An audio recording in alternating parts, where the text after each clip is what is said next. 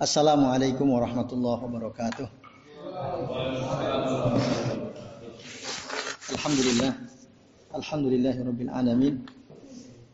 Wa bihi nasta'inu ala umuri dunya waddin. Wassalatu wassalamu ala asrafil anbiya'i wal mursalin wa ala alihi wa ashabihi wa man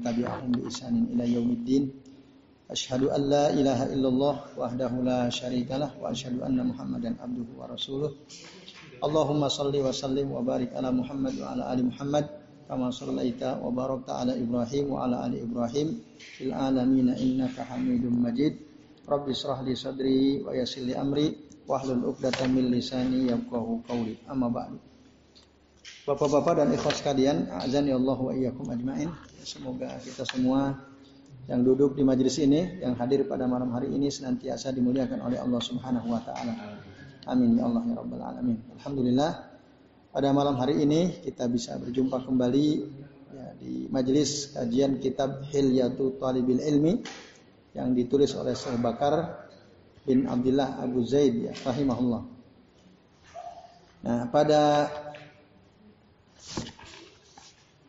kesempatan kali ini ya kita akan melanjutkan pembahasan halaman 9 ya. Betul. Terakhir kemarin halaman 9 ya. Nah, sekarang kita akan lanjut halaman 9 paragraf terakhir. Ini jadi seorang talib itu kita review ya pada pembahasan sebelumnya. Dia harus memahami bahwa mencari ilmu itu adalah ibadah.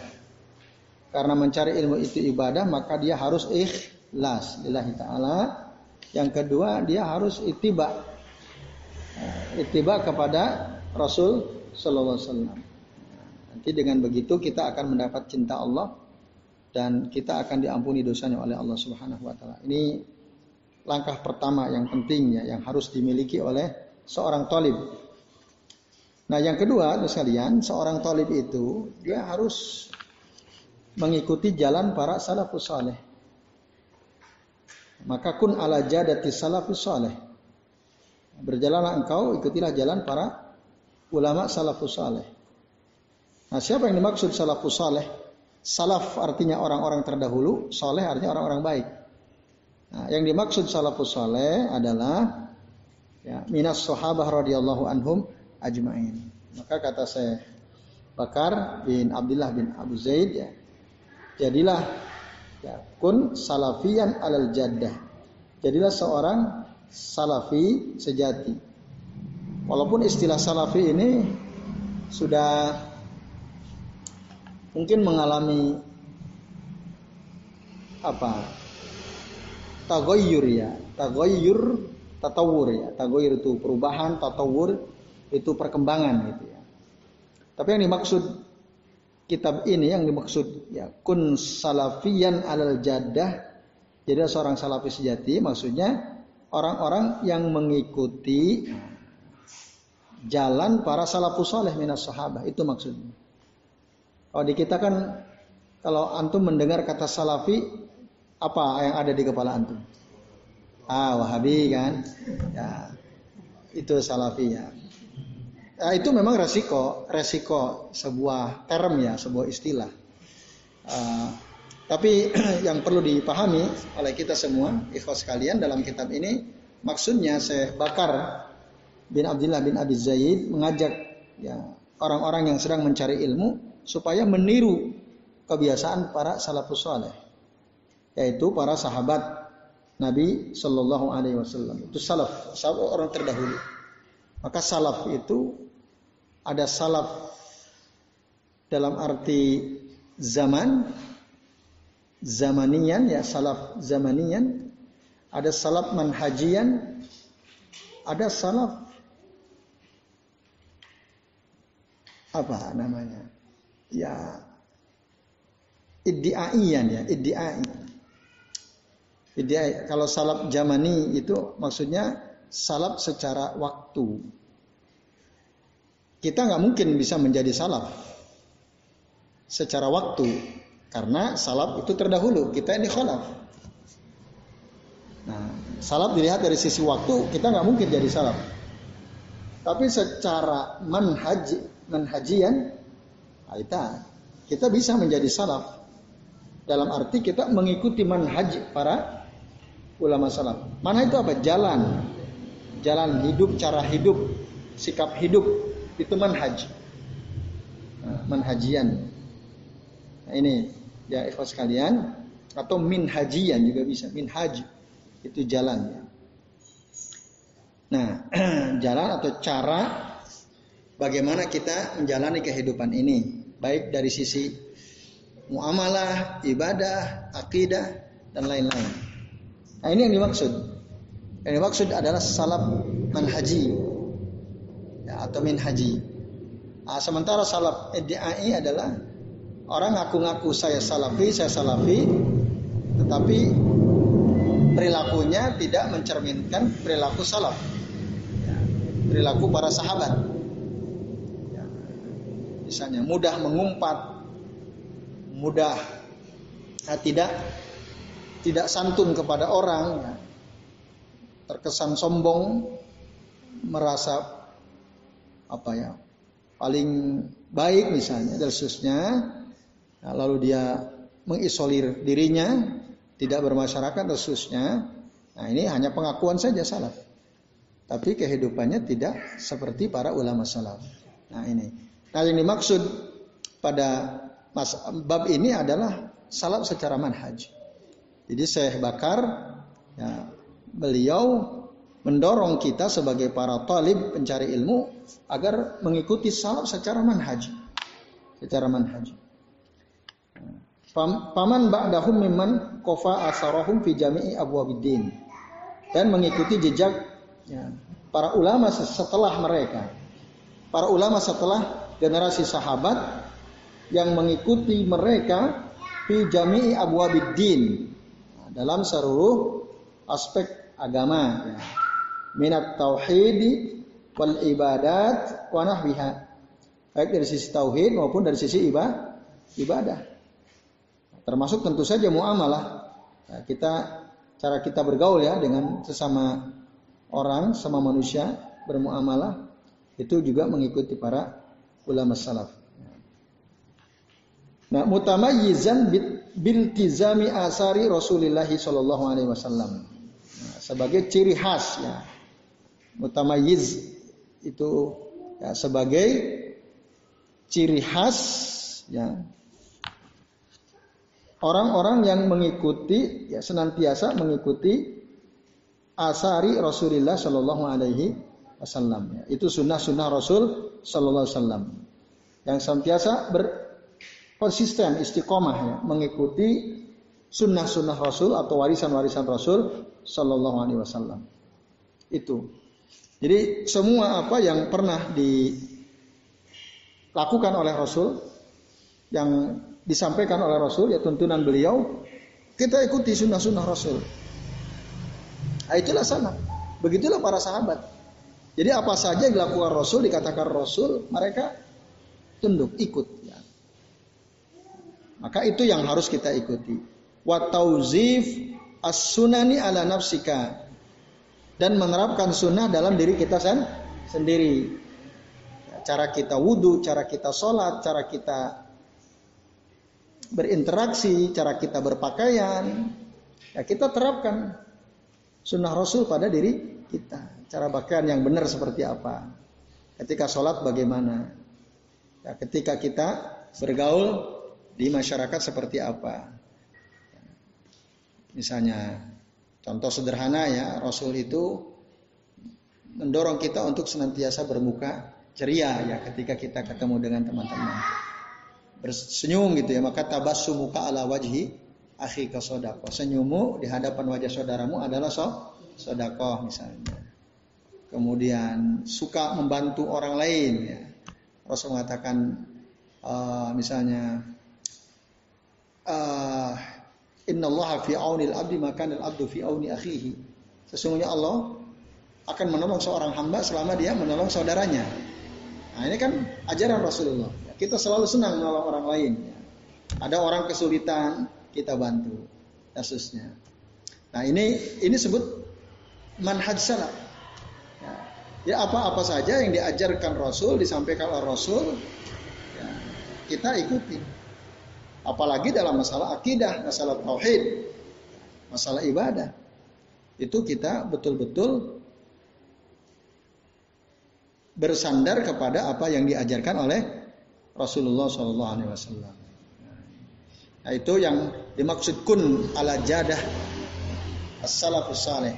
Ikhlas kalian azan Allah wa Nah, ini uh, jadi ini penting sekali ya untuk sama-sama kita pahami. Nah, jangan sampai kita menyelisihi ajaran Rasul yang dipraktekkan oleh para ulama salaf ya. Itu. Kemudian tadi menerapkan sunnah pada diri sendiri. Kemudian watarkal jidali wal mirai wal khawdi fi ilmil kalam. Ciri-ciri salaf adalah meninggalkan berdebat, ya, bicara berlebihan, berdebat ya, al jidal wal mira, wal haud fi ilmil kalam. Haud itu ngomong secara berlebihan dalam ilmu kalam. Ma wa ma yajlibul asam wa yasudu anis syar'i. Nah, serta meninggalkan hal-hal yang membawa kepada perbuatan dosa dan menghalang-halangi kita dari syariat. Syariat itu sesuatu yang ditetapkan ya, aturan dari Allah Subhanahu wa taala yang disampaikan oleh Rasulullah SAW. Nah, ini ikhwas kalian, ya. Di bagian terakhir tadi watar ya oh, watarkil jidali wal mirai wal khawdi fi ilmil kalam. Nah, ini artinya kita sebaiknya kalau kita talib ya, kita ingin mengikuti jalan para salafus saleh, kita tidak banyak berdebat. Ya, Jidal itu berdebat, miro juga berdebat ya. Hanya bedanya kalau miro dari kata ria, berdebat yang tujuan akhirnya supaya kita ini dibilang hebat ya. Supaya kemudian orang menghormati kita, memandang kita hebat, itu miro, itu tujuannya. Nah, sementara jidal itu sebenarnya makna jidal, makna asal jidal itu bagus ya. Yaitu kita berdebat tapi untuk mencari titik kebenaran. Aslinya itu maknanya. Makanya dalam Quran kita akan disuruh untuk salah satunya dengan mujadalah waktu dakwah kan. Ud'u ila sabili rabbika bil hikmati wal mau'izatil hasanah wajadilhum billati hiya, ahsan. Itu makna jidal asalnya. Nah, tapi kemudian berkembang sehingga jidal dan miro itu ya satu makna Intinya berdebat lah, banyak berdebat. Nah itu sebaiknya tinggalkan ya. Apalagi banyak berbicara tentang ilmu kalam. Ilmu kalam dalam bahasa kita filsafat. Nah, filsafat ilmu kalam itu filsafat. Jadi banyak apa filsafat? Ya apa? Mencari kebenaran berdasarkan akal gitu ya. Sesuatu yang menurut akal benar mereka akan terima, tapi kalau menurut akal nggak benar mereka akan akan tolak. Ada teorinya kan, teori kebenaran filsafat. Nah, itu sebaiknya kita tinggalkan hal-hal seperti itu. Banyak bicara tentang ilmu kalam. Nah, dalam filsafat itu kan akal misalnya. Akal itu dibahas. Apa sih akal? Gitu kan. Padahal dalam ilmu syara ya akal sesuatu yang clear, sudah jelas. Nggak perlu didefinisikan, orang udah jelas akal itu apa. Nah, nanti kan ada apa istilahnya cara membangun argumen gitu ya dalam ilmu filsafat itu. Cara mengambil kesimpulan misalnya. Uh, ada namanya apa ya? Saya lupa istilahnya. Jadi misal gini, dalam filsafat itu ada teori kebenaran gini. Uh, sabdo bisa menangis gitu ya. Kemudian kambing bisa menangis tidak? Bisa. Berarti sabdo sama dengan Nah, itu kan ada teori seperti itu ya. Nah, misalnya contoh ya, contoh. Uh, makhluk butuh tempat. Ya. Segala sesuatu yang butuh tempat berarti makhluk kan itu teori mereka kan itu. Teori itu. Nah, makhluk punya tempat. maka segala sesuatu yang punya tempat disebut makhluk kan gitu teorinya. Nah nanti ahlul kalam itu bicara begitu. Ketika bicara tentang sifat Allah Subhanahu Wa Taala, mereka akan menolak syariat, menolak dalil. Nah, menolak dalil mereka menggunakan akal. Jadi mereka akan menolak kalau dikatakan Allah itu bersemayam di atas aras. Berarti kan Allah butuh tempat. Ya kan? Segala sesuatu yang butuh tempat ya adalah makhluk. Berarti Allah adalah Allah adalah kan kesimpulan gitu menurut mereka. Sehingga kita menurut mereka kita harus tidak boleh tuh mengatakan Allah beristiwa di atas arash. Itu bahayanya kalam di situ. Nah, maka ya, orang-orang yang menolak sifat-sifat Allah Subhanahu wa taala sebagaimana Allah jelaskan dalam kitab Al-Qur'an dan sebagaimana dijelaskan oleh Rasul dalam sunnah itu adalah orang-orang yang terpengaruh oleh al-mutakallimun. Oleh al-mutakallimun, orang-orang yang suka bergelut di dunia ilmu kalam atau al-falasifah ya, filsafat, terpengaruh oleh filsafat Yunani dan seterusnya, maka muncullah nanti aliran uh, Mu'tazilah, Asy'ariyah, Al-Maturidiyah dan lain-lainnya. Sebagian mereka itu dipengaruhi oleh pemikiran kalam Nah itu ya ikhwas sekalian, azani Allah wa iyyakum ajmain. Nah oleh karenanya di sini Syekh Bakar bin Abdullah Abu Zaid mengatakan tinggalkan sudah kalam itu diting ditinggalkan. Nah ini. Nah, terus gimana? Ya sudah kita ikuti saja dalil. Perkara yang sangat mudah sekali, jadi nggak susah-susah. Allah bilang ABCD, kita terima ABCD. Rasul mengatakan ABCD maka itu yang kita terima sudah selesai Allah bilang Allah istiwa di atas aras kita katakan Allah istiwa di atas aras Gak usah bingung-bingung kok Allah beristiwa dan seterusnya nah, tapi ahlul kalam mereka akan terus mencari oh ini kok begini oh kok begini begini nah, malah ke mana-mana nanti akhirnya nah ini ya bapak-bapak dan ikhwas sekalian azani Allah wa iyyakum ajmain baik itu kemudian uh, dikatakan pada paragraf berikutnya ya. Qala Az-Zahabi berkata Imam Az-Zahabi halaman 10 itu ya. Atau Imam Az-Zahabi berkata semoga Allah merahmati beliau. Ya. Wasohaan ad-Daruqutni annahu qol ada suatu kabar yang sahih dari Imam Daruqutni bahwasanya beliau pernah berkata, Imam Daruqutni pernah berkata, apa kata Imam Ad-Daruqutni? Ma syai'un abghadu ilayya min ilmil kalam. Tidak ada sesuatu yang lebih aku benci daripada ilmu kalam. Siapa yang bilang ini? Imam Ad-Darukutni. Imam Ad-Darukutni. Ini salah satu tokoh hadis ya, Imam Darukutni.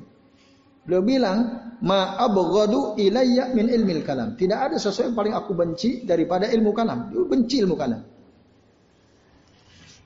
Menurut saya Bakar, Beliau bilang kultu lam yadkhul ar-rajulu abadan fi ilmil kalam. Padahal Imam Ad-Darukutni ini tidak pernah membahas ilmu kalam. Beliau tidak pernah berdebat dengan ilmu kalam Imam Ad-Darukutni, tapi beliau bilang tidak ada sesuatu yang paling aku benci daripada ilmu kalam. Padahal beliau belum terjerumus, tapi beliau benci sekali kepada ilmu kalam. Nah, padahal dia nggak pernah tadi ya terjerumus kepada ilmu kalam, tidak pernah berdebat ya, wala khadha fi dalika. Tidak pernah banyak bicara tentang ilmu kalam, balkana salafan. Bahkan Imam Daruqutni ini salaf. Maksudnya ikutin para sahabat. Nah, ini menunjukkan Bapak-bapak dan ikhwas sekalian ya. Kebencian Imam Ad-Daruqutni kepada ilmu kalam ya karena akibat buruk dari ilmu kalam itu yang beliau lihat ya yang beliau lihat Makanya beliau benci karena tidaklah ilmu kalam ya mendatangkan kecuali keburukan, bahaya ya. Kecuali bahaya. Nah ini. Dan wakasirun min ulama'il kalamil kibar kata saya ini dalam syarahnya, kebanyakan para ulama kalam yang senior ya, yang masyur-masyur itu aqarru fi akhiri hayatihim annahum ala dinil ajaiz wa raja'u ila fitratil awla. Jadi mereka mengakui para ulama kalam senior ya, kibar. ulama-ulama besar ilmu kalam. Ya, bahwa di akhir kehidupan mereka, mereka ini berada dalam agama yang lemah, ala dinil ajaiz. Lalu kemari mereka kembali kepada fitrah. Setelah mereka tahu rusaknya ilmu kalam. Nah, itu ya. Jadi mereka menyesal. Banyak ya tokoh-tokoh yang dulu belajar filsafat lalu menyesal. Termasuk sebenarnya Imam Al-Ghazali pernah belajar filsafat. Lalu menulis kitab Tahafutul Falasifah, ya, kerancuan filsafat. Walaupun nanti dibantah oleh Ibn Rushd, Tahafutul Tahafut ya, kerancuan nah, pemikiran dari kitab Tahafut ya, kitabnya Al-Ghazali. Nah, yang katanya membuat apa? mandek pemikiran Islam ya tidak progresif. Ya, padahal terus jalan gitu ya. Nah ini, tapi memang selalu ada pembelanya. Ya. Selalu ada pem pembelanya. Nah itu ya teman-teman sekalian, azan ya Allah wa ajmain.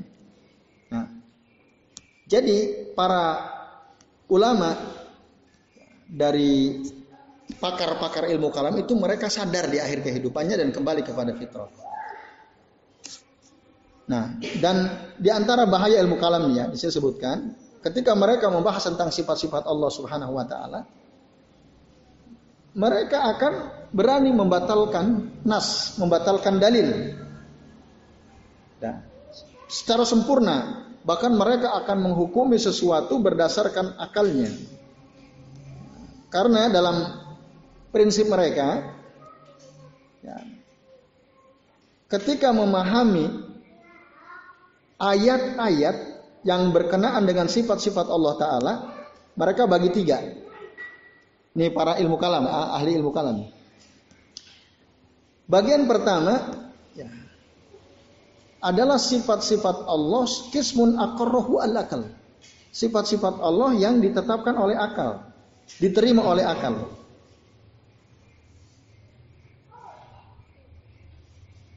Nah, apa misalnya sifat Allah yang bisa diterima oleh akal? Sifat Allah itu kan ada dua ya, masih ingat ya? Teman-teman sekalian. Ada yang bisa bantu saya nyebutkan sifat Allah itu ada dua. Satu sebutnya sifat apa? Apa? Betul sekali, Abu Fahmi. Satu sifat zatiyah, yang kedua sifat fi'liyah. Sifat zatiyah itu apa? Sifat zatiyah Allah. Sifat yang melekat pada zatnya Allah Subhanahu wa taala. Sifat fi'liyah itu sifat berupa per amal perbuatan Allah taala. Sifat zatnya Allah itu apa? Misalnya Allah ya berbicara. Allah ber, berbicara. Itu sifat zatnya Allah. Nah, tapi kata bicara juga bisa menjadi sifat pilih Allah. Allah bisa bicara kapan saja dan Allah juga bisa tidak berbicara. Tergantung pada kehendaknya kan. Kapan Allah mau bicara, bisa nggak Allah bicara? Kapan Allah tidak mau berbicara, bisa nggak Allah tidak bicara? Bisa, itu sifat pilih Allah Ta'ala. Nah, kalam adalah sifat zatnya Allah. Nah, mutakallim adalah sifat pilihnya Allah Ta'ala. Itu. Terus apa lagi misalnya? Uh, sami sama sam'un ya sam'un itu sifat zatnya Allah. Allah itu bisa men mendengar. Sami'un itu sifat sifat sami'un itu sifat zatnya Allah. Sam'un itu ada sifat fi'liyah Allah Ta'ala. Sami Allah maha mendengar itu sifat zat zatnya Allah. Allah bisa mendengar. As-sam'u itu juga sifat sifat fi'liyah. Artinya apa? Allah mau bisa saja Allah mendengar, tapi juga Allah bisa tidak men, tidak mau mendengar. Makanya kalau ada orang berdoa kepada Allah, tapi dari hati yang kosong, yang lalai, Allah nggak mau jawab tuh. Allah nggak mau dengar. Karena sifat Allah adalah sam. Nah, orang-orang yang bergelut di ilmu kalam, ilmu filsafat, mereka membagi sifat-sifat Allah itu pada tiga bagian. Yang pertama sifat Allah yang masuk akal menurut mereka, masuk akal. Jadi kata sami'un basirun hakimun ya. mendengar, melihat, bijaksana itu makul, masuk akal. Maka semua sifat Allah yang masuk akal mereka terima. Tapi bidilalati al akal la bidilalati sama. Mereka terima karena diterima oleh akal. Yaitu sesuatu yang makul. Ya Allah harus maha mendengar, Allah harus maha melihat, Allah harus maha perkasa. Harus kalau Allah nggak perkasa gimana jadi Tuhan kan gitu. Itu mereka masuk akal mereka. Nah, tapi bukan karena dalam Al-Qur'an ada innallaha samiun alim bukan. Mereka nggak menggunakan dalil in, ada kalau Allah Ta'ala fi kitabihil karim. Begini, begini, begini. Enggak itu dalilnya. Tapi emang logik, logik masuk akal. Maka sifat Allah yang logik mereka benarkan. Ya Allah itu maha bijaksana. Allah maha adil misalnya. Bagian kedua adalah sifat Allah yang menurut mereka enggak masuk akal. Dinafikan oleh akal. Nah, apa contohnya? Nah, contohnya misalnya tadi ya Allah beristiwa di atas arsy. Menurut akal mereka, masa sih Allah Tuhan yang Maha Kuasa butuh tempat? Kalau Allah istiwa bersemayam di atas aras berarti Allah butuh makhluk dong. Itu nggak mungkin kata mereka. Maka harus ditakwil, harus dipahami ya di luar makna teks yang nampak. Ya, harus pahami di luar itu. Oh, ternyata istiwa itu menurut mereka itu artinya menguasai, bukan bersemayam. Bukan. Istawa itu artinya istaula kata mereka. Maka mereka tolak. Nah ini bagian kedua. Yang ketiga adalah sifat-sifat Allah yang tidak ditolak oleh akal dan tidak pula di ditetapkan oleh akal. Menurut akal, akal tidak menolaknya. Tapi akal juga tidak menetapkannya. Menurut mereka ada tuh sifat Allah yang seperti itu. Tapi nggak tahu yang seperti apa contohnya ya. Akal nggak akal nggak menetapkan, akal juga nggak nolaknya. Nah, maka kalau ada sifat seperti itu kata mereka, sebagian mengatakan ya kita harus tawakuf Tawakuf itu apa? Tidak menerima dan tidak menolak menurut mereka. Padahal ahlu sunnah ya semua sifat yang Allah jelaskan tentang dirinya dalam Al-Quran dijelaskan oleh Rasulnya dalam sunnah. Ya walaupun nggak masuk akal ya kita harus terima. Itu. Nah di situ dia teman, ya teman-teman dan ikhwas kalian bedanya di situ.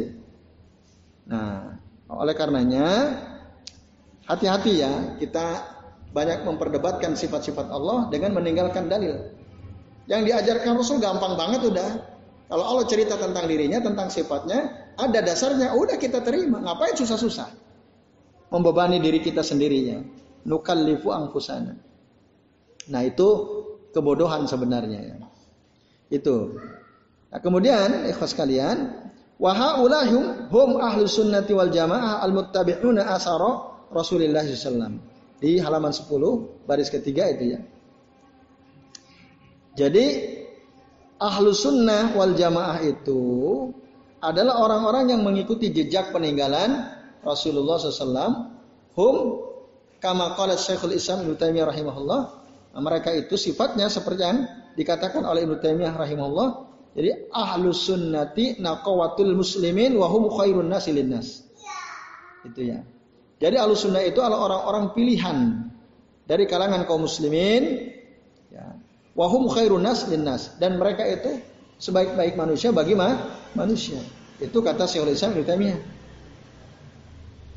Nah, kenapa? Karena mereka itu ya, sunnah itu mengikuti jalan yang ditempuh oleh Rasulullah SAW dan oleh para sahabat. Nggak ada jalan yang dia pilih kecuali jalan itu. Sesuai dengan ya, larangan Allah Subhanahu Wa Taala dalam surah Al-An'am ayat 153 Allah Ta'ala mengatakan wala tattabi'u as-subula. Janganlah kalian ikuti jalan-jalan lain selain jalan Islam ya, yang diajarkan Quran, diajarkan sunnah. La tattabi usubul. Jangan ikuti jalan-jalan lain. Fatafarraqu bikum an. Karena kalau kita ngikutin tadi dalam memahami sifat Allah misalnya, udah ikuti jalan Quran sunnah. Gak usah ngikutin jalan para filosof, para ahli kalam. Nanti bingung sendiri. Karena mereka menggunakan akal. Gitu. Tapi ikutilah Quran, ikuti sunnah. Kalau kita ngikutin surah Quran sunnah, jalan-jalan yang fatafarraqu bikum an sabili. Nanti kita akan terpecah. Kita akan menyimpang dari jalan Allah Subhanahu wa taala. Nah, itu. Ya, jadi sekalian, nah itulah kenapa Ahlussunnah wal Jamaah itu adalah ya orang-orang pilihan, orang-orang terbaik dari kalangan kaum muslimin karena mereka hanya mengikuti jalan yang ditempuh oleh Rasulullah SAW, yaitu jalan yang ditetapkan oleh Allah Subhanahu Wa Taala. Nah, tapi ini sayangnya kata saya al Saimin, sebagian orang belakangan mereka membagi ahlu sunnah wal jamaah itu kata mereka ada dua kelompok. Ada dua kelompok. Yang pertama kelompok yang disebut al-mufawwidah, yang kedua disebut dengan kelompok al-muawwalah. Muawwalah mufawwidah. Apa beda muawwalah mufawwidah? Nah, ibu sekalian ini, ini saya sedang menjelaskan bahayanya kita banyak berbicara tentang kalam dan filsafat ya. Kan di di poin ini saya bakar itu ikutin salaf gitu, nggak usah banyak bicara filsafat. Tapi perlu dijelaskan kan bahaya mereka. Menurut orang-orang belakangan, salaf eh, alusunah wajah itu ada dua katanya. Ada kelompok mufawwidah, ada kelompok muawwalah. Apa mufawwidah? Mufawwidah orang-orang yang menyerahkan menyerahkan makna ya, ayat-ayat mutasyabihat ayat-ayat yang berbicara tentang sifat asma dan sifat-sifat Allah Taala udah ditafwid, tafwid itu di, dia udah serahkan saja kita paham nggak paham serahkan sama Allah. Nah itu sebut mufawwidah. Katanya ada ahlu sunnah yang sifatnya mufawwidah. Kemudian ada ahlu sunnah wal jamaah yang muawwalah. Muawwalah itu adalah ahlu sunnah wal jamaah yang berani mentakwil. Berani mentakwil. Jadi kalau ada sif, ayat Quran bicara tentang sifat Allah, oh ini maksudnya begini, oh ini maksudnya begini. Itu namanya mu'aw. Tapi yang mufawidah, Allah bilang begitu ya sudah. Seperti itu. Soal kita paham nggak paham ya itu serahkan mananya kepada Allah. Nah, ada yang membagi. Nah, yang muawalah itu siapa? Kata mereka, contoh al-asyairah, al-maturidiyah. Itu dianggap ahlu sunnah wal jamaah, tapi kelompok muawalah. Ah? Ah. Itu yang mufawidah itu yang menurut mereka udah. Nah, yang muawalah berani mentakwil sifat-sifat Allah Taala adalah seperti kelompok Asy'ariyah yang pimpinnya Abdul Hasan Al Ash'ari dengan Al Maturidi. Maka ada kelompok Asy'ariyah, ada kelompok Maturidiyah. Di Indonesia ada sebagian kaum muslimin saudara-saudara kita yang alusuna itu Asy'ariyah Maturidiyah. Nah, mayoritas bahkan Indonesia ya. Tapi perlu survei lagi deh kalau sekarang kayaknya. Nah, nah itu ya. Sekarang perlu survei lagi, bener nggak mayoritas seperti itu? Nah, itu ya. Karena ada tokoh yang diagung-agungkan di kelompok saudara kita itu, ada seorang tokoh lah ya. Saya nggak usah sebut namanya. Nah, di salah satu ceramah dia, dia mengatakan, ya udah kita nggak usah pusing-pusing memahami sifat Allah, Pahamilah seperti Allah gambarkan tentang dirinya Al-Quran Sunnah. Gak usah oh, kalau Allah istiwa berarti Allah begini. Gak usah. Gak usah begitu. Ada tuh.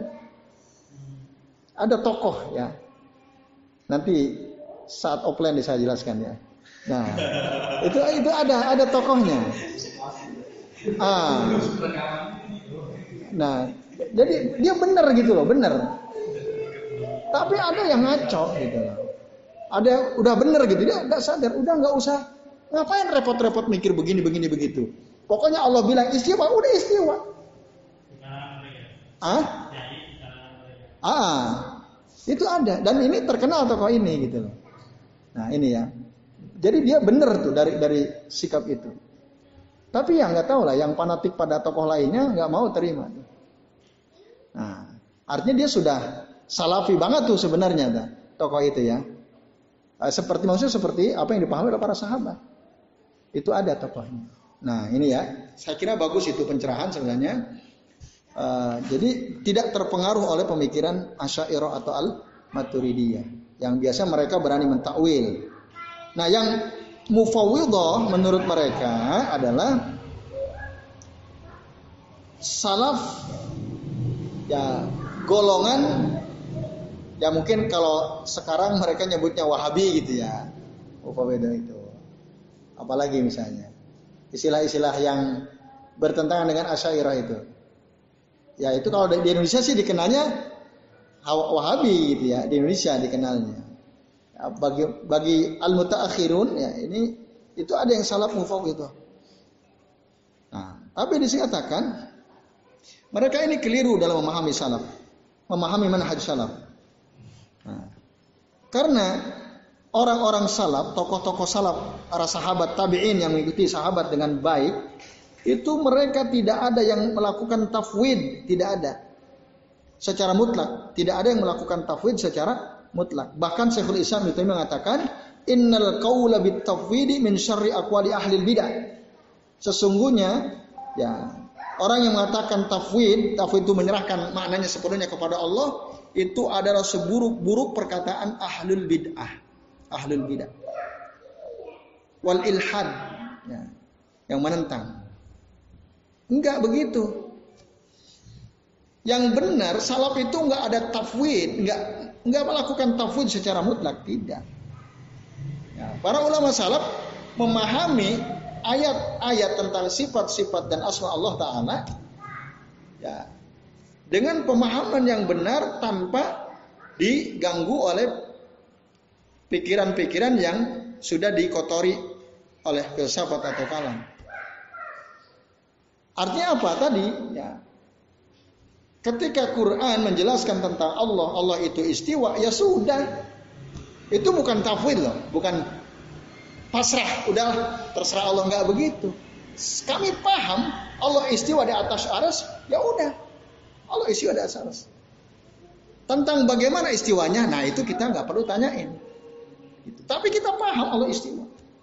Allah punya wajah. Kullu syai'in halikun illa wajha. Nah, itu sudah. Kita paham wajah itu paham. Tapi kita nggak bahas bagaimana wajahnya Allah. Ada matanya enggak, hidungnya ada berkumis atau berjenggot atau tidak enggak. Kita enggak karena wajah Allah dengan wajah kita ber, berbeda. Jadi enggak tafwid. Oh, kita paham kok. Allah Ya. Fa aina ma tuwallu fasama wajhullah. Kepada ke mana saja kamu menghadap di situ ada wajah Allah kan misalnya. Allah bilang wajhullah, wajah Allah. Udah kita paham wajah, selesai. Itu bukan tafwid. Tafwid. Kalau tafwid itu kan ah kami nggak ngerti apa yang maksudnya wajah. Udah deh serahkan aja Allah. Itu baru tafwid itu. Kami nggak ngerti. Oh, deh serahkan aja maknanya sama Allah. Enggak. Ulama salah para sahabat paham. Wajah paham. Karena paham gak usah dibahas. Clear kan gitu. Nah itu ya. Jadi sebenarnya keliru mereka bilang oh ada mufawidah enggak ada. Ya. Baik, itu ya. Ikhwas sekalian, azan Allah wa iyyakum. Sehingga muncullah pernyataan yang sangat aneh gitu. Kata mereka apa? Anna tariqatas salafi aslam wa tariqatal khalafi a'lam wa ahkam. Cara uh, berpikirnya orang salaf itu memang lebih selamat kata mereka. Tapi cara berpikirnya orang khalaf belakangan itu a'lamu wa ahkam.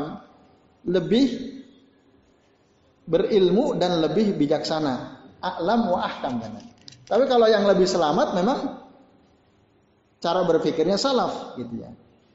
Salaf itu para sahabat, tidak itu aslam. Tapi kalau yang lebih berilmu, lebih bijak ya torikot Torikotul khalaf. nah itu itulah kejanggalan pikiran mereka. Ya. Salaf itu aslam, khalaf itu a'lam wa ahkam. Ya, ngapain lebih berilmu, lebih bijak kalau tidak selamat kan? Ngapain gitu? Nah, justru kalau yang lebih selamat pasti dia alam, pasti dia ahkam. Maka yang benar itu, ya, kata saya al di sini adalah anak tariqata salafi aslamu wa a'lamu wa ahkam. Nah, sesungguhnya cara salaf cara berpikir salaf, para sahabat, para tabi'in yang ikut mereka dengan baik, itu yang lebih selamat, itu yang lebih berilmu, itu yang lebih bijaksana. Itu. Nah, ini ya kebatilan yang terjadi di generasi akhir ya, yang mereka merasa oh, menyelisihi sahabat itu itu lebih berilmu, lebih bijaksana ya.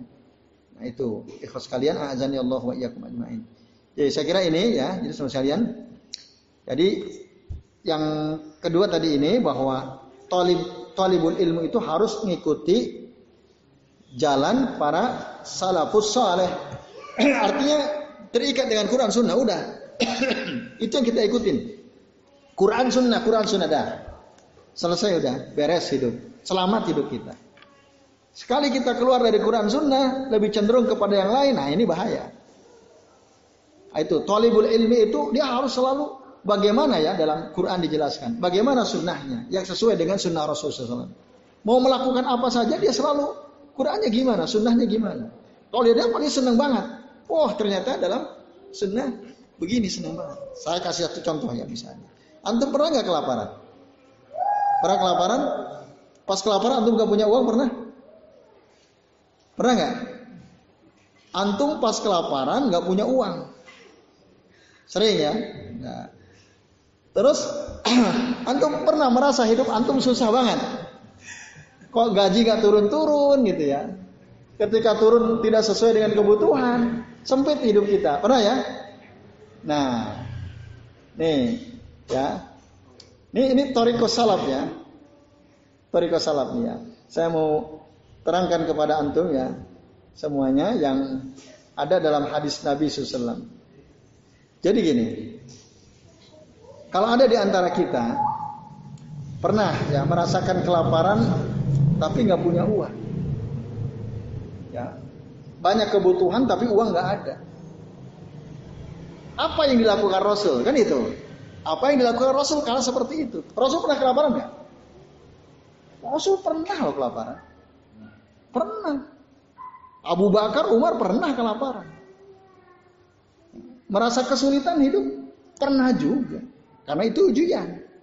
Lalu apa yang dilakukan Rasul kan itu. Nah, ini toriko salaf, cara salaf nih. Maka kita sebagai talib ngikutin.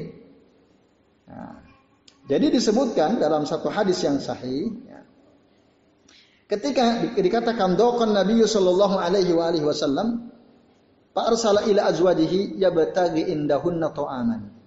Rasul mengalami ya, kesulitan Ya, lapar lah Rasul kelaparan. Lalu beliau mengirim seseorang ke istri-istri beliau untuk bertanya apakah mereka punya makanan atau tidak. Istri-istri beliau. Ada sembilan istri ya. Coba tanyain, ada makanan nggak ada makanan nggak ada. Rasul atau kalau nggak ngirim seseorang, Rasul datang sendiri tanya. Ah, falam yajid inda wahidatin minha. Kala itu Rasul enggak mendapatkan ada satupun dari istri yang sembilan itu punya makanan, enggak punya makanan semua. Istri sembilan semuanya punya makanan. Repot nggak tuh kan? Lagi lapar. Nah, apalagi kalau istri cuma satu ya. satu nggak ada. nggak ada makanan. Kan dokot, dokotil haya kan sempit tuh hidup kita. Nah, mau makan nggak ada makanan. Nah, apa yang di apa yang dilakukan Rasul? Nah, Rasul berdoa, ada doanya. Kata Rasul Allahumma inni as'aluka min fadlika wa rahmatik. Ya Allah sesungguhnya aku memohon kepada engkau karuniamu dan rahmatmu. Fa innahu la yamlikuha illa anta. Sesungguhnya tidak ada yang memiliki segala sesuatu kecuali engkau ya Allah. Nah. Lalu udah itu doanya. Allahumma inni as'aluka min fadlika wa rahmatik fa innahu la yamlikuha illa anta. Udah itu baca doa. Tiba-tiba yang terjadi setelah itu fa'uhdiyat ilaihi syatun ya musliyah ya. masliyah ya. Fa'uhdiyat ilaihi syatun masliyah. tiba-tiba beliau diberi hadiah berupa kambing panggang. Setelah baca doa ini, ada orang datang memberi hadiah kepada Nabi kambing panggang. Lalu beliau bilang apa? Hadhihi min fadlillah. Wa nahnu nantaziru rahmah. Ini adalah karunia dari Allah dan kita tunggu rahmatnya. Itu. Tiba-tiba ada yang datang makanan. Ini sunnah Rasul SAW. Dan banyak orang meninggalkan ini. Banyak orang, maka ini disebut as-sunan al-mahjurah. Sunnah Rasul yang ditinggalkan. Nah, itu. Jadi kalau kita lapar sedang sulit, udah berdoa. Udah doanya Allahumma inni as'aluka ya min fadlika wa rahmatik. Terus fa innahu la yamlikuha illa illa anta. Catat tuh, penting ini. Ya, siapa tahu nanti pas kelaparan kan doa dengan doa ini. Nah, di dompet gak ada uang, gitu kan? Dompet gak ada uang. Nah, itu. Nah, bisa kan coba kita mau ngerjain apa? Oh, lapar gitu kan? Mungkin kalau orang yang rasional ya kerja dong. Orang lagi lapar kerja gimana? Dia udah kerja gajinya belum turun-turun kan suruh kerja gimana? Ah, kodar lo berasur nggak ada. Bisa habis. Ya kan ada, ada kalanya. Ya saya, saya sendiri kadang mengalami seperti itu.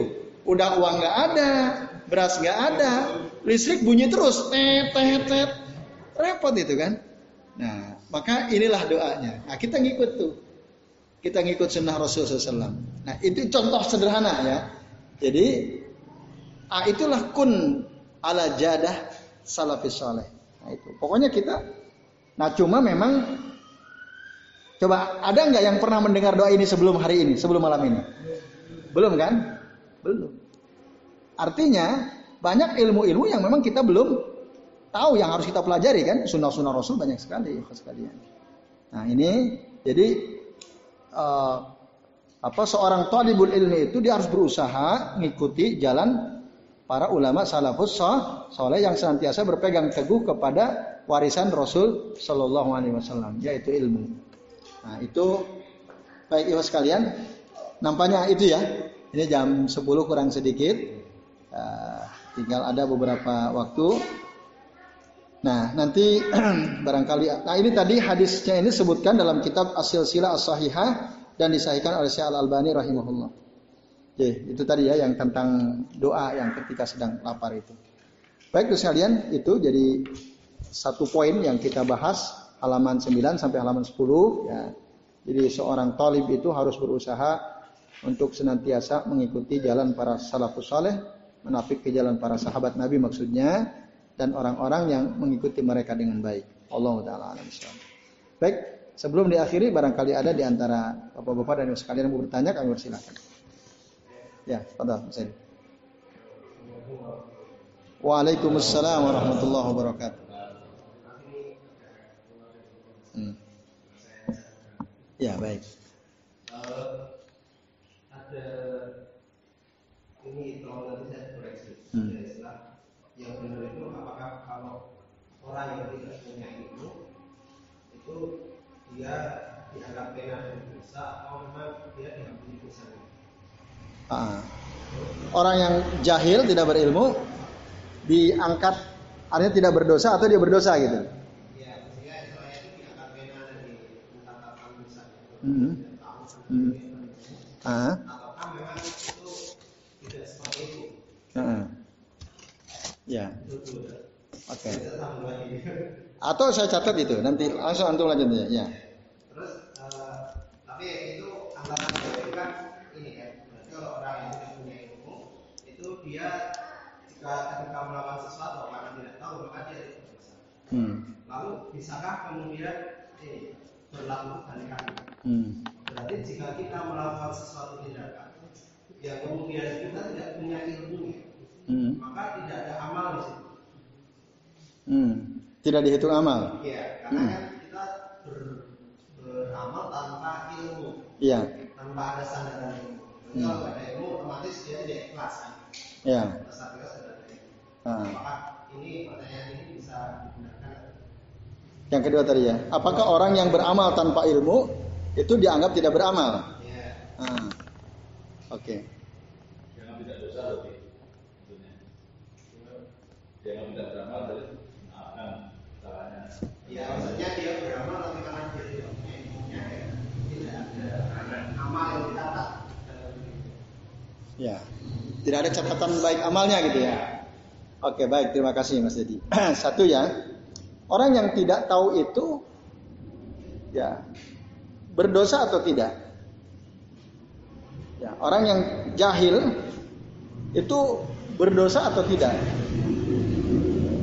Yang pertama, orang yang salah karena belum tahu ilmunya, itu dia tidak berdosa berdasarkan hadis Nabi Shallallahu Alaihi Wasallam, Inna Allah tajawazali an ummati al khotok wan nisyanu wa mastukrihu alaih. Sesungguhnya Allah Taala mengampuni, memaafkan ya umatku karena aku disebabkan al khotok. Khotok itu keliru karena nggak tahu ilmunya. Wanisyan karena lupa.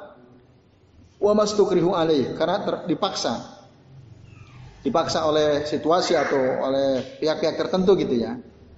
Nah, kalau lupa, saya kira jelas ya. Orang lupa lagi puasa, makan lupa, itu dosa nggak? Dimaafkan oleh Allah itu nggak dosa. Asal habis makan, pas ingat, udah berhenti makannya kan. Nah, kalau lanjut makan itu nggak, itu nggak lupa. Itu nggak dosa tuh orang makan. Ya orang makan. Ketika puasa Ramadan, dipaksa itu contohnya gimana dipaksa? Ada orang dia diancam kalau dia enggak menginjak Al-Quran, dia akan dibunuh. Atau kalau enggak istri atau anaknya akan dibunuh. Isi anaknya di situ ada diikat. Ya. Dia disuruh kamu injek Quran. Kamu injek Quran. Nah, resikonya kalau kamu nggak mau injek istrimu, anakmu disembelih. Nah, gimana tuh? Kira-kira kalau antum menghadapi situasi seperti itu, antum akan injek Quran atau tidak? Kalau tidak, isi antum, anak antum disembelih, kalau antum injek, isi antum, anak antum selamat. Antum pilih mana? Dan divideokan, divideokan. Nah, divideokan. Coba pilih mana tuh? Tapi kalau antum nggak mau, resikonya istri anak disembeli saat itu juga. Ah, ya. Nah kan, dalam keadaan seperti itu untuk menyelamatkan diri kita gitu ya. Kita boleh saja melakukan tindakan kekufuran, tindakan yang dilarang oleh agama. Karena menyelamatkan jiwa kan. Akhirnya kita lakukan. Tapi kita ter terpaksa kan. Tapi wakal buhu mutmainnun bil iman. Hatinya tetap tenang dalam keimanan. Artinya hatinya mengingkari perbuatan dia sebenarnya. Tapi kan dipaksa ya sudah. Itu diampuni kayak gitu itu. Artinya kita nggak dosa, terpaksa. Ya, atau nggak ada makanan. Ya, betul betul nggak ada makanan kecuali babi yang ada di hutan Betul-betul daun pun nggak ada yang bisa dimakan. Ada karena situ terpaksa kan Pak ini apa apa Hurimat alaikumul maitatu wadamu walahmul khinzir wa ma uhilla bihi li ghairillahi wa man ghaira bagin wala adin fala isma ada kan itu. Siapa terpaksa dia sebenarnya nggak mau sebenarnya dan ketika pun dia melakukan itu tidak berlebihan terus dia makan daging babi misalnya nggak ada masalah terpaksa itu nah khotok Kan tadi al khoto wanisan wa sukri alaih kan. Khoto itu satu kesalahan karena dia nggak ngerti bahwa itu salah. Belum punya ilmunya gitu. Maka orang yang seperti itu juga diampuni. Diampuni. Dia nggak tahu bahwa kalau sholat kentut itu batal. Dia belum tahu gitu misalnya. Dia lagi sholat tut gitu. Lanjut aja dia sholat ya. Karena dia belum tahu gitu ilmunya belum nyampe, misalnya belum nyampe. Nah, uh, maka dia nggak diampuni itu. Tapi kalau dia udah ngerti kentut itu batal, dia jadi imam kentut gitu ya. Dia dalam pikirannya kan nggak nggak ada orang yang dengar kok. Salah lanjut aja. Nah ini istihana tanbidin namanya. Istihana. Ini mengolok-olok agama namanya. Mempermainkan agama. Oh mereka kentut. Kok dia lanjut? Apalagi jadi imam kan. Tapi kalau nggak ngerti, nggak dosa dia. Nah, jadi orang yang tidak punya ilmu, lalu dia melakukan satu perbuatan, padahal dia salah karena nggak punya ilmu, maka nggak dosa. Nggak dosa. Kasusnya sama-sama nggak tahu Apa? Tapi yang kan Tapi ceritanya sama-sama nggak tahu. Ah, eh, enggak, yang satu tahu, yang satu nggak tahu. Kalau yang satu tahu, lanjut terus dia kentut.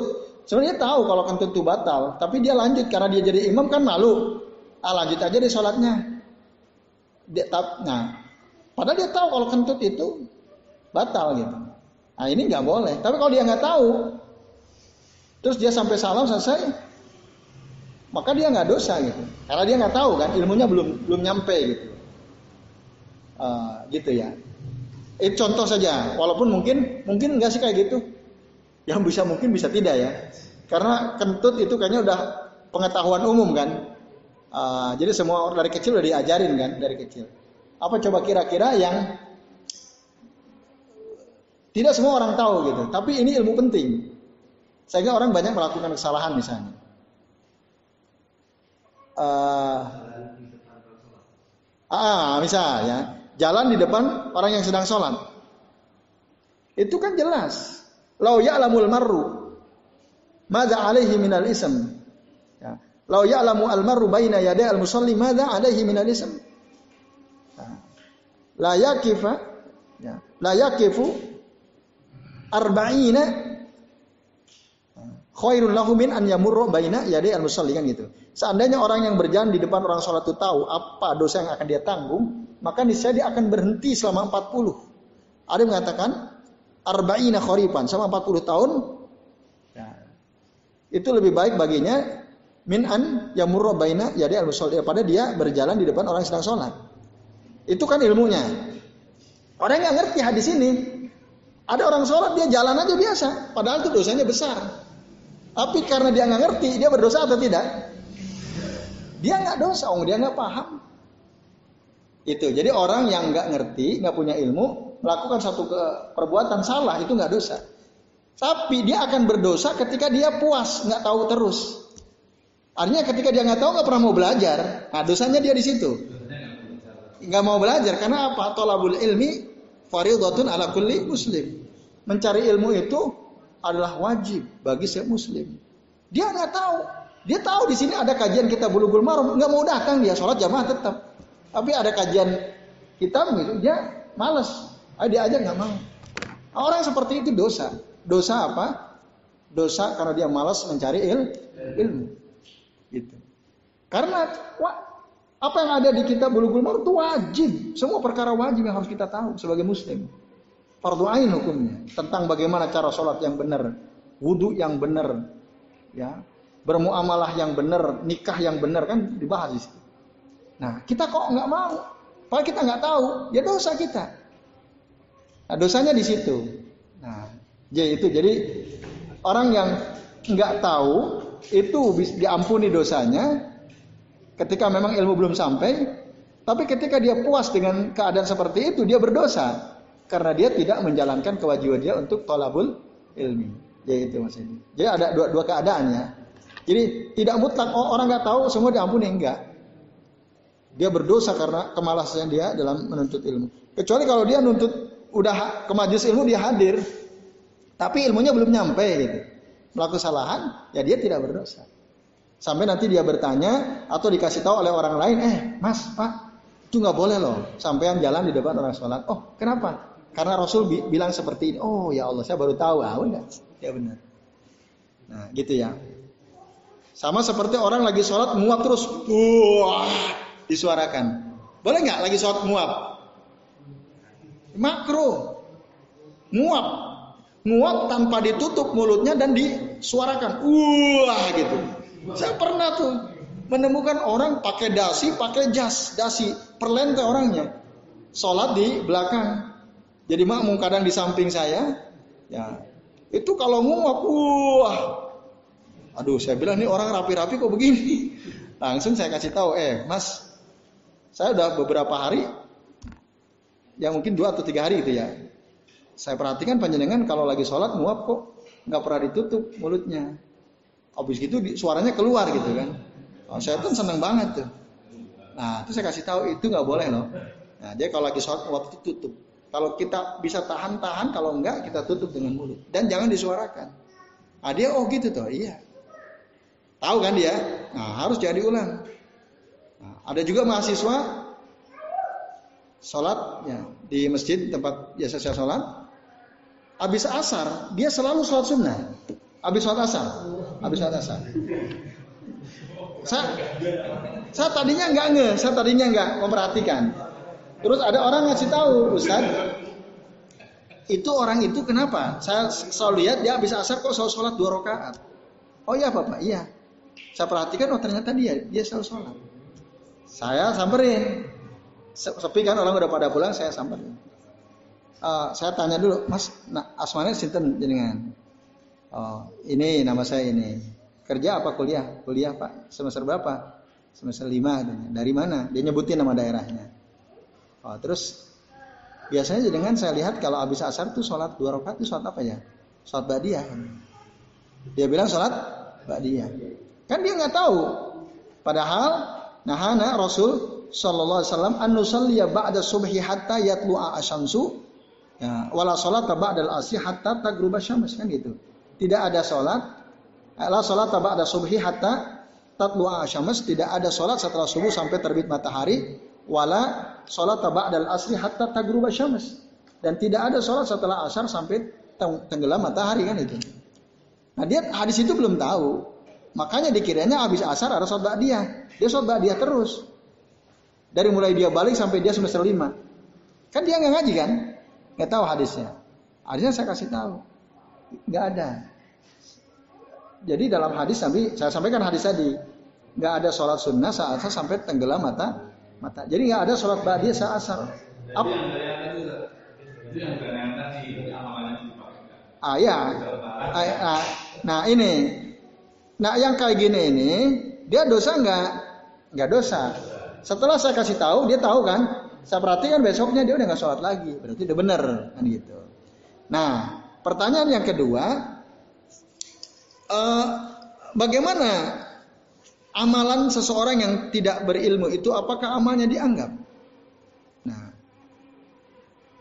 amal yang tidak berilmu itu ya bagi orang yang wajib menuntut ilmu ya tidak ada nilainya. Tapi bagi yang belum belum balik ya dia misalnya anak-anak lah usia tiga tahun ya dia sholat, yang asal aja sholat, ya nggak masalah, dia nggak punya ilmu kan. Seandainya pun dia benar, ya itu baik, nah, tapi belum bernilai karena dia belum syarat buluknya belum dapat. Tapi orang udah balik, dia sholat nggak benar sholatnya, nggak ada nilainya sholatnya kalau nggak benar, nggak akan diterima sampai sholat dia benar. Makanya al ilmu qoblal amal kan, ilmu dulu baru kemudian amal. Jadi saat seseorang balik dia harus langsung harus belajar. Yang penting-penting belajar tentang sifat sholat yang benar seperti apa ya, dan seterusnya. Nah betul, jadi pernyataan itu betul Mas Edi ya. Jadi orang yang beramal tanpa ilmu itu amalnya nggak ada nilainya, benar sekali. Maka tadi al ilmu qoblal amal. Ilmui dulu baru amalin.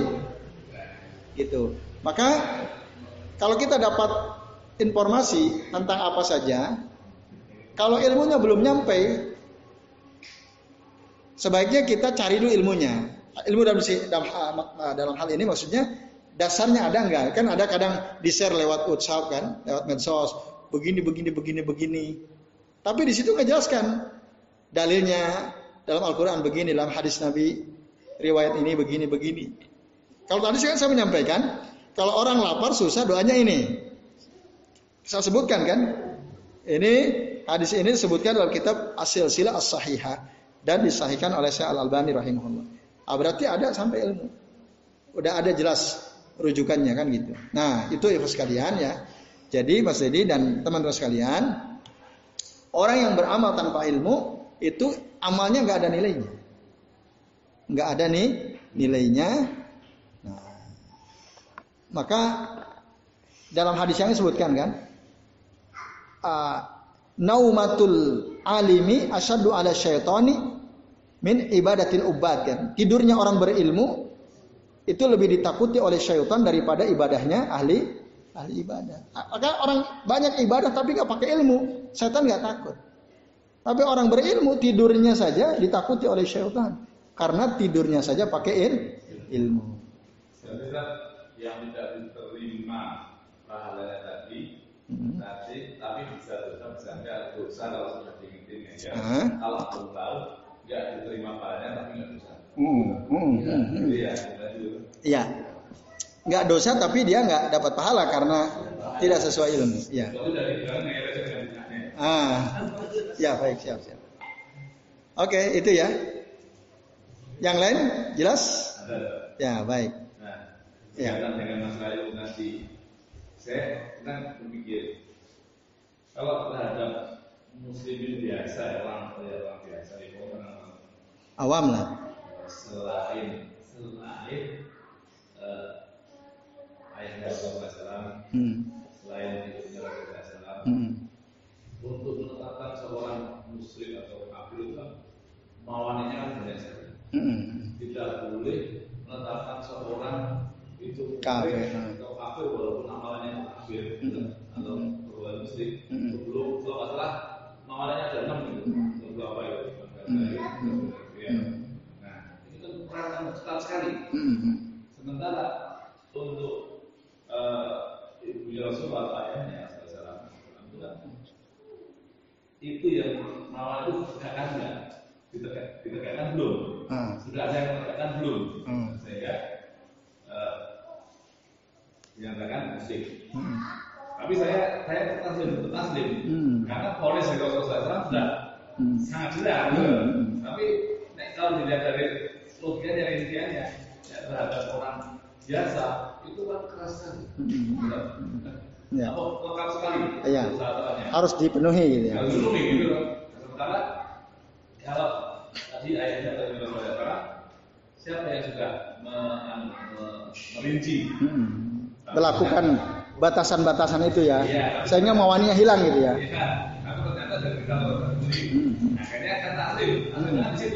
Iya.